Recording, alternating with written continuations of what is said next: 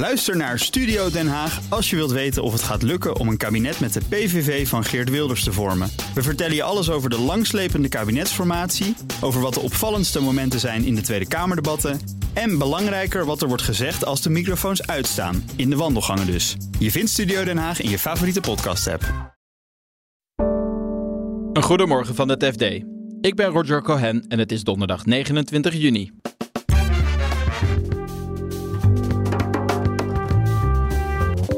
Bouwbedrijf Structon moet stoppen met beschuldigingen tegen de ex van voormalig topman Gerard Sandring. Over uh, vermeende moordaanslagen, drugshandel, het vervaardigen van porno, diefstal, smokkel, drugsmokkel. Een hele waslijst aan beschuldigingen waarvan eigenlijk niks overeind is gebleven bij de, bij de rechter. Het CBS gaat de inflatie anders berekenen. Er was eerst de inflatie wat aan de hoge kant en nu is hij misschien wat aan de lage kant. Maar als je dat aan het einde van de rit bekijkt, dan komt het eigenlijk precies uit. En ondanks meerdere schandalen blijven we toch medicijnen halen uit India. Die zijn gewoon heel erg goedkoop. Een doosje cholesterolverlagers of bloeddrukmedicijnen kost een paar euro uh, per maand. Ja, de hele gezondheidszorg is een stuk betaalbaarder geworden dankzij Indiase producten. Dit is de dagkoers van het FD. Bouwbedrijf Structon is veroordeeld in een smaadzaak omdat het volgens de rechter een lastercampagne heeft gevoerd tegen de ex van voormalig topman Gerard Sandring. Onderzoeksjournalist Joris Polman vertelt wie er allemaal bij de zaak betrokken zijn. Nou, er is, uh, er is een bodemzaak gestart uh, door uh, de ex-geliefde van Gerard Sandring, mevrouw van Echten. Deze keer niet tegen Sandring, maar tegen onder andere het bedrijf Structon en een aantal vertrouwelingen van Sandring, onder wie uh, de vermaarde cybergoeroe Rian van Rijbroek. En Structon... Dat is zijn nieuwe vrouw nu, hè? Dat is zijn nieuwe vrouw. Structon die heeft zich uh, volgens de rechter schuldig gemaakt aan, aan, aan, aan, een smeercampagne tegen Van Echten. En, uh, en uh, ja, moet, daar ook, moet daarom nu ook een rectificatie plaatsen op, op uh, zijn website. Dat is best wel opmerkelijk. Die moet er vier weken blijven staan. En er tekent zich ook een, een schadevergoeding af voor Van Echten. De hoogte van moet nog worden opgemaakt. Een aparte procedure. Maar daar, dat is wel, die weg is nu wel vrijgemaakt door de rechter. En wat deed Structon dan om Van Echten zwart te maken? Wat onder andere gebeurde is dat Van Rijbroek de nieuwe vrouw van, uh, van uh, Sandrink, die heeft het e-mailaccount van Sandrink gebruikt, de toen bestuursvoorzitter van Structon, om allerlei informatie te verspreiden over uh, Van Echten en beschuldigingen over uh, vermeende moordaanslagen, drugshandel, porno, het vervaardigen van porno, diefstal, smokkel, drugsmokkel. Een hele waslijst aan beschuldigingen waarvan eigenlijk niks overeind is gebleven bij de, bij de rechter. Dat gebeurde onder de ogen van het bestuur van Structon, van de directie, onder de ogen van de Raad van Commissarissen. Niemand greep in. Sterker nog, een aantal daarvan speelde daar zelfs een actieve rol in. Mogelijk om Sanderink te pleasen. Uh, in ieder geval toont dit vonnis aan dat de corporate governance, het bestuur van het bedrijf, uh, aan alle kanten heeft gefaald op dit punt. En daar wordt het bedrijf nu voor aansprakelijk gesteld. Ja, want de rechter is ook heel streng voor de bestuurders hè, bij Structon.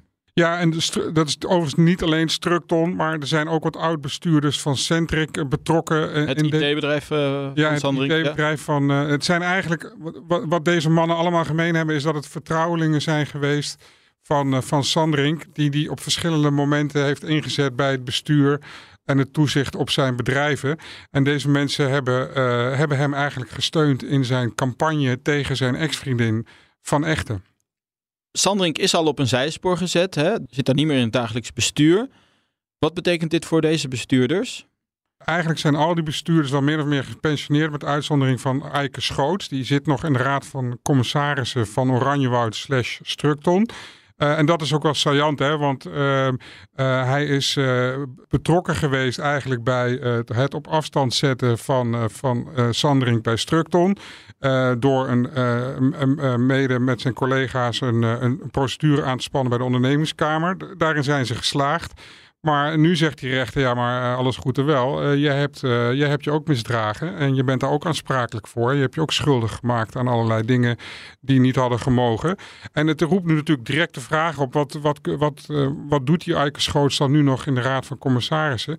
nu hij deze, deze, deze uitspraak aan zijn broek heeft gehad. We hebben dat eh, uiteraard geprobeerd te checken. Structon laat weten überhaupt geen commentaar te willen geven op dit moment op deze uitspraak. En ik heb ook geprobeerd de president-commissaris van Structon te bellen, Jozef Kuling. Die neemt vooralsnog zijn telefoon niet op. dus we weten even niet hoe dit nu verder moet. maar ik verwacht wel dat, dat er toch ook voor schoots ja, nu, nu toch het doek zal gaan vallen, eerlijk gezegd. Morgen komt het CBS met een nieuw inflatiecijfer. En het is voor het eerst dat hierin de energieprijzen zijn meegenomen die consumenten daadwerkelijk betalen. Redacteur macro-economie Marijn Jongsma sprak met de hoofdeconoom van het CBS en legt uit waarom de oude meetmethode toe was aan vervanging. De oude berekeningsmethode die, uh, was eigenlijk niet geschikt voor enorme prijsschokken in de energie. Dus uh, wat ze deden is uh, het meenemen van prijzen van nieuwe contracten.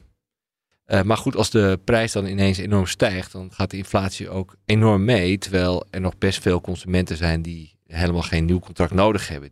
Uh, dus dat betekent eigenlijk dat je de inflatie een beetje overdrijft, zou je kunnen zeggen. Nu gaan ze, komen ze dus toch met een andere berekening van het inflatiecijfer. Waarom nu pas? Uh, ja, je zou kunnen zeggen mosterd naar de maaltijd. En inmiddels zijn die bestaande contracten ook in prijs gestegen. Dus je zou kunnen zeggen, laat maar zitten. ze doen het toch. Ze willen het systeem zeg maar bestendig maken. Want er komt ongetwijfeld wel weer een keer een piek. En dan komen we weer in diezelfde discussie terecht. Dat het zo lang duurde heeft gewoon te maken met het feit dat het CBS natuurlijk niet over één nacht ijs gaat. Die wil dat het allemaal correct is. Dat ze niet later op hoeven terug te komen en zeggen van ja shit, het klopt toch niet helemaal. Dus misschien moeten we weer wat aanpassen. Ze willen het in één keer goed invoeren. Ze hadden de data nodig van die energiemaatschappijen. Ze hebben de hele systemen opnieuw moeten inregelen. En ja, statistici zijn precieze mensen. Dus die, uh, die, die zeggen niet van, nou weet je wat, uh, we proberen eerst wat en dan kijken we wat schipstrand. Bovendien moeten ze ook overleggen met Eurostat, want je mag niet als Nationaal Statistiekbureau binnen de eurozone, mag je niet zomaar op eigen houtje uh, dingen gaan veranderen. Dus dat moet je overleggen. En komt er nou een heel ander cijfer uit als de nieuwe berekening van de inflatie wordt gebruikt? Nou, we hebben in ieder geval een trendbreuk. Dat is gewoon een feit. Dus je kunt het cijfer van juni straks niet zomaar weer vergelijken met het cijfer in mei. Dat is, dat is jammer, maar dat is bij elke wijziging eigenlijk zo. Je kunt zeggen, alle inflatiecijfers in de loop van de tijd vergelijken we met elkaar. Maar je meet toch steeds andere dingen. Dat is eigenlijk een beetje de, de tragiek van de, van de inflatiecijfers. Dus je zou kunnen zeggen, omdat je nu uitgaat van de bestaande contracten, hè, uh, zou het dan wat lager kunnen uitvallen. Uh, er zitten allerlei rare vergelijkingseffecten met de vorige reeks. Uh, dus ja, het, het, het, cijfer zoals we nu gaan krijgen, en we weten natuurlijk niet wat het is voor juni, dat, dat komt morgen. Ja, daar leef je helemaal naartoe natuurlijk. Dat is het hoogtepunt in de maand voor mij, dat snap je wel. Ja. Ja, daar zit een statistisch effect in, van, omdat je eigenlijk een, een, een nieuwe berekeningsmethode gewoon gaat vergelijken met een oude. En dat is een jaar lang zo. Hè? Een jaar lang ga je eigenlijk die, die, die methodebreuk hebben en dan ineens dan, dan vergelijk je nieuw met nieuw.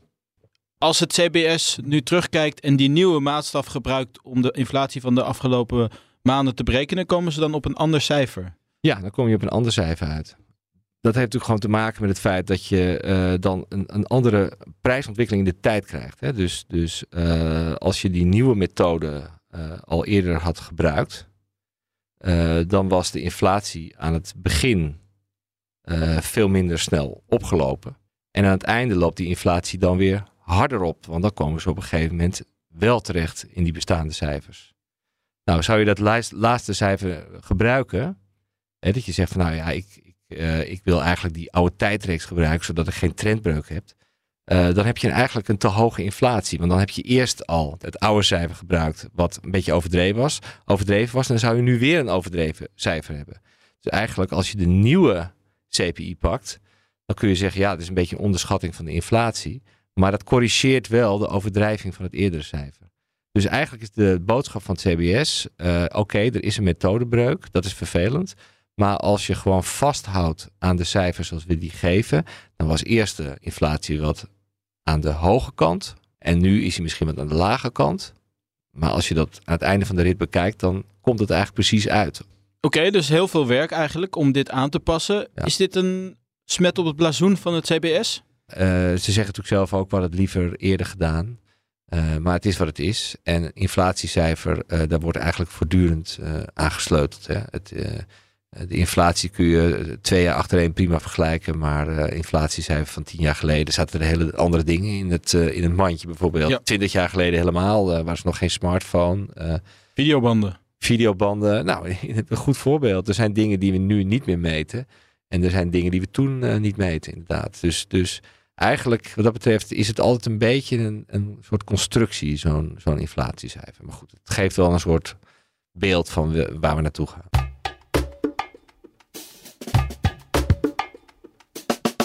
Indiase farmaciebedrijven voldoen vaak niet aan internationale kwaliteitseisen. Toch blijven we onze medicijnen daar vandaan halen. Je hoort redacteur farmacie Tjeu Fase. Hij vertelt over een recente controle bij de Indiase medicijnfabrikant Intas. Er is een Amerikaanse bezoek, heeft die fabriek gekregen in Gujarat van Amerikaanse inspecteurs. En die hebben daar een, naar ze zelf schrijven, een waterval aan tekortkomingen geconstateerd. Ze hebben een vrachtwagen vol met versnipperde documenten gevonden. En ze hebben ook een kwaliteitsmanager betrapt die bezig was om uh, gegevens die ze liever niet wilden laten zien, om die te verscheuren en die in een uh, vuilnisbak te gooien, om er snel wat zuur overheen te gooien en ze onleesbaar te maken. En dat Intas is een hele belangrijke medicijnfabrikant in, de, in de Verenigde Staten, maar ook in Europa, met via het dochterbedrijf Accord. En wat voor medicijnen maken zij? Ze maken eigenlijk van alles. Alle belangrijke medicijnen tegen kanker, chemotherapie in ziekenhuizen. Maar ook bijvoorbeeld heel veel medicijnen voor hart- en vaatziekten. Dus cholesterolverlagers, middelen voor de bloeddruk. Nou, noem maar op. En dit komt vaker voor, hè, begrijp ik. Je kunt eigenlijk wel zeggen dat het geen incident is. Dat Indiase farmaciebedrijven de laatste jaren regelmatig in opspraak geweest zijn. Een heel groot schandaal is uh, geweest. Dat is eigenlijk in Nederland maar heel deels doorgedrongen. Ranbaxy was een heel belangrijk uh, farmabedrijf. En die bleek de zaak gewoon structureel te bedonderen. Voortdurend kwaliteitsprocedures te omzeilen. Er is vorig jaar een boek over verschenen in de Verenigde Staten. Bottle of Lies, fles vol leugens. Nou, een schokkend boek is dat. En dat brengt dat helemaal in kaart. Nou ja, wat die journalist in dat boek beweert is eigenlijk dat veel van die Ranbaxy-managers... die zijn doorgestroomd nadat het bedrijf is, uh, ten onder is gegaan naar andere Indiaanse bedrijven. En die hebben die praktijken van Ranbaxy meegenomen naar andere Indiaanse bedrijven. Nou, ik heb even een kleine optelsom gemaakt, maar vorig jaar zijn er, dat ik weet, zeker, zeker bij zeven andere Indiaanse bedrijven incidenten gemeld met uh, tekortschietende kwaliteitsprocedure. En hoe kan het dat het telkens fout blijft gaan? Zowel de FDA als de EMA brengt ja, dat zijn de Amerikaanse en de Europese de toezichthouders. Ja. Precies, die brengen bezoek aan Indiase fabrieken. Het is heel moeilijk om daar, als, als dat gaat om kwaadwillend management, dan is het heel moeilijk om daar een vinger achter te krijgen dat er parallele administratie is, dat er uh, onderzoeken worden, onder de pet worden gehouden of worden vernietigd. En uh, India wordt de apotheek van de wereld uh, genoemd, uh, las ik. Hoeveel procent van de medicijnen hier in Nederland is dan uit India afkomstig? Dat durf ik niet zo te zeggen. Daar hoor je ook verschillende berichten over. Omdat het soms gaat om grondstoffen of halffabrikaten... die dan in Oost-Europa of in Nederland alsnog tot medicijnen worden verwerkt. Maar het overgrote deel van de medicijnen in Nederland heeft een verband met India. Dus heeft een herkomst op een of andere manier uit India. En waarom blijven we ermee doorgaan met uh, medicijnen uit India halen als het zo problematisch nou ja, dat, is? Dat is duidelijk. Kijk, die, die zijn gewoon heel erg goedkoop. Veel goedkoper. Dus een, een doosje cholesterolverlagers of bloeddrukmedicijnen kost een paar euro uh, per maand. Dus het is, ja, de hele gezondheidszorg is een stuk betaalbaarder geworden dankzij Indiase producten. Zou er sprake kunnen zijn van het terughalen van productie, omdat die uh, kwaliteit achterblijft? Nou, daar zijn ze in India zeker bang voor. Dus daar zien ze ook uh, de, deze kwaliteitstwijfels over de kwaliteit zien ze uh, als een soort kwade kwaadsprekerij die daarvoor bedoeld is.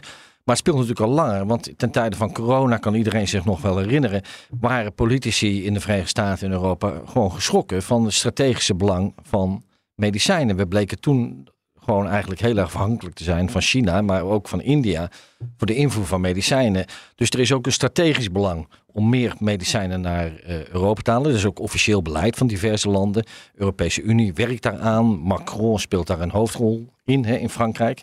In de Verenigde Staten precies hetzelfde. En zie je daar al veel gebeuren of zijn dat vooralsnog vooral plannen? Nou, dat is moeilijk. Dat zijn trage procedures natuurlijk, want het gaat om hele grote ja. investeringen. Maar, maar je ziet zeker ook in Nederland dat er gewerkt wordt aan plannen om dat uh, terug te halen. Dus vanuit de politiek en soms ook vanuit de verzekeraars is er wel een, uh, een bewustzijn voor van strategische belangen. Nee, als daar nou ook daarbovenheen ook twijfels komen over de kwaliteit van Indiaanse medicijnen, dan zou dat wel eens in de stroomversnelling kunnen komen.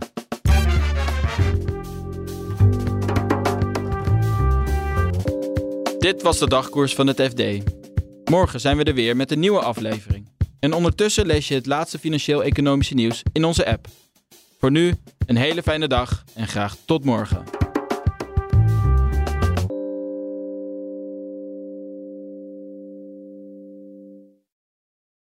Ook Harm Edens vind je in de BNR-app. Je kunt BNR Duurzaam niet alleen live luisteren in de app, maar ook terugluisteren als podcast, zoals al onze podcasts.